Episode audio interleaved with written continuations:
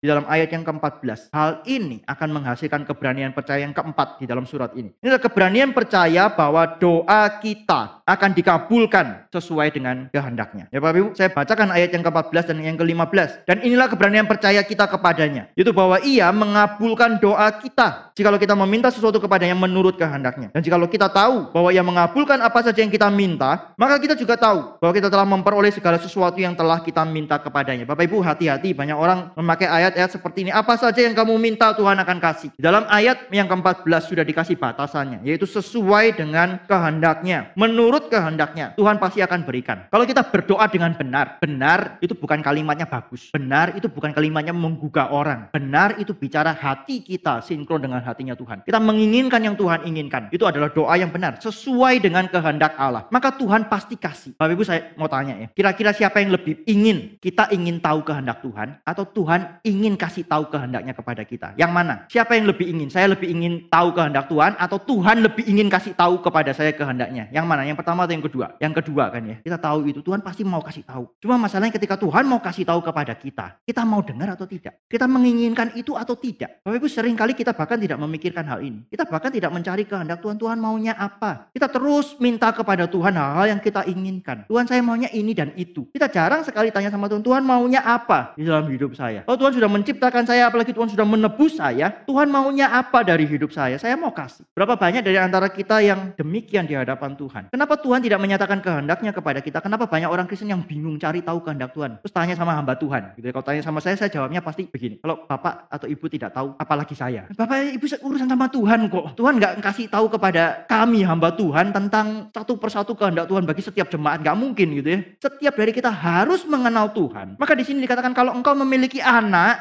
engkau menerima kesaksian itu, engkau memiliki anak. Engkau memiliki anak itu bicara apa satu relasi yang intim dengan Tuhan. Ketika engkau mengenal Tuhan, sungguh-sungguh dengan dekat, dan hatimu adalah hati yang engkau persembahkan kepada Tuhan, saya yakin Tuhan pasti kasih tahu. Tuhan lebih ingin memberitahu daripada kita ingin tahu kehendak Tuhan. Tuhan lebih ingin kehendaknya terjadi di dalam hidup kita daripada kita mau tahu kehendak Tuhan. Bapak Ibu, kita harus bertobat. Kita harus sungguh-sungguh datang kepada Tuhan. Kalau saya sudah ditebus, buat apa saya ditebus? Kalau saya masih hidup untuk diri saya sendiri. Bapak Ibu kita mesti datang kepada Tuhan dan kita berani minta. Ketika berani minta, minta apa? Minta Tuhan nyatakan kehendaknya. Minta Tuhan memberikan kepada kita kerelaan untuk mengerjakan kehendak Tuhan. Bapak Ibu ayat yang ke-15 ya. Di sini dikatakan, jikalau kita tahu bahwa ia mengabulkan apa saja yang kita minta. Maka kita juga tahu bahwa kita telah memperoleh segala sesuatu yang telah kita minta kepadanya. Saya memberikan dua tafsiran berkenaan dengan hal ini. Kita minta, ya kalau kita tahu Tuhan akan kasih semua yang kita minta sesuai kehendaknya, maka ketika kita minta kita tahu kita sudah dapat.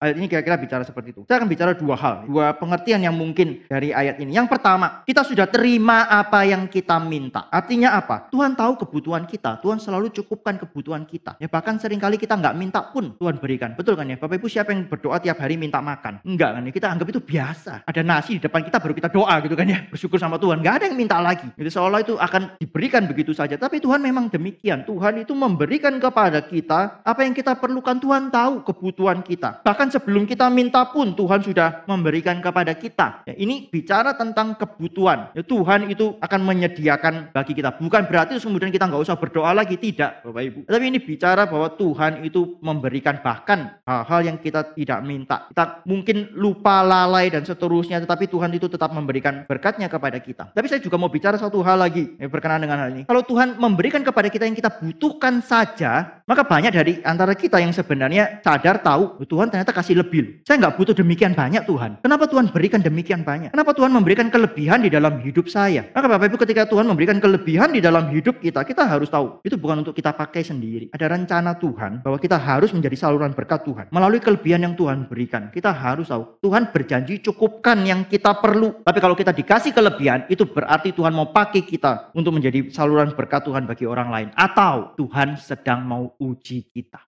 Apakah hati kita tuh memang tertuju kepada Tuhan atau hati kita tertuju kepada berkat Tuhan? Jangan-jangan berkat Tuhan ini menjadi berhala bagi kita. Hati-hati Bapak Ibu ya. Ini yang pertama ya. Tuhan tahu apa yang kita perlukan, maka Tuhan memang sudah berjanji akan memberikan segala sesuatu yang kita perlu. Kalau kita kekurangan bagaimana? Termasuk kita butuh saat-saat di mana kita harus mengalami kekurangan. Kenapa? Karena sering kali ya ketika kita cukup, kita jadi mulai mengabaikan Tuhan. Kita mulai lupa bergantung kepada Tuhan. Kita membutuhkan kekurangan kekurangan itu untuk kita diingatkan tanpa Tuhan, ya kita sebenarnya tidak sanggup melakukan sesuatu apa pun. Apa yang kita terima itu bukan karena kita rajin, tekun, baik dan seterusnya. Apa yang kita terima itu adalah karena Tuhan memberkati pekerjaan kita, Tuhan memberkati usaha kita. Tanpa berkat Tuhan itu tidak akan terjadi. Bapak Ibu coba bandingkan doa kita sama doa Rasul Paulus misalnya. Doa kita dengan doa dari teladan-teladan rohani, ya, tokoh-tokoh rohani yang menjadi teladan bagi kita. Bandingkan doa kita dengan orang-orang itu. Mereka minta apa, kita minta apa. Kita setiap hari minta apa sama Tuhan. Paulus setiap hari minta apa kepada Tuhan. Bapak Ibu bandingkan. Ini menunjukkan betapa orang-orang itu mengerti isi hatinya Tuhan. Mereka minta yang Tuhan inginkan. Maka doa-doa mereka adalah doa-doa yang efektif, doa-doa yang berhasil, ada hasilnya. Ya bukan karena mereka tekun. Bukan karena mereka terus minta kepada Tuhan. Tekun. Akhirnya Tuhan bilang, ya sudah sudah daripada ngomong terus, ganggu terus. Ya saya kasih. Tuhan bukan Tuhan yang seperti itu. Tuhan adalah Tuhan yang akan memberikan. Jikalau itu baik bagi kita. Kita memerlukan, maka Tuhan akan memberikan. Itu tafsiran yang pertama. Tafsiran yang kedua, ini bicara tentang kedekatan kita dengan Tuhan. Ya. Pengenalan kita dengan Tuhan. Kita sudah tahu apa yang kita perlu minta. Ini bicara